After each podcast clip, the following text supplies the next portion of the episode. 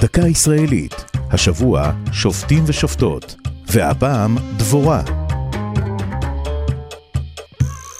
בספר שופטים בולטת בין הגברים אישה אחת שמילאה את התפקיד, דבורה הנביאה.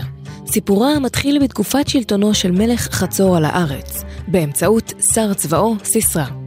דבורה הנביאה צוותה על ידי האל להוביל את העם למלחמה, והיא הנחתה את ברק בן אבינועם משבט נפתלי לאסוף כוחות ולצאת לקרב בהר תבור. שם ימתין שר צבא חצור ויפול בידיהם.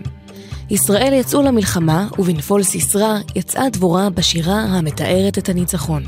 כן יאבדו כל אויביך אדוני, ואוהביו כצאת השמש בגבורתו, ותשקוט הארץ ארבעים שנה.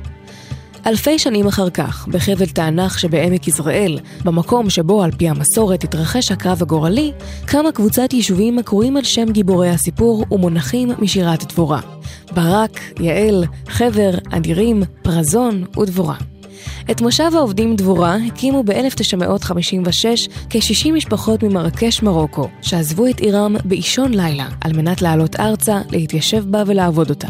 היום מונה מושב דבורה כ-300 נפש. זו הייתה דקה ישראלית על שופטים, שופטות ודבורה. כתבה והגישה עדן לוי.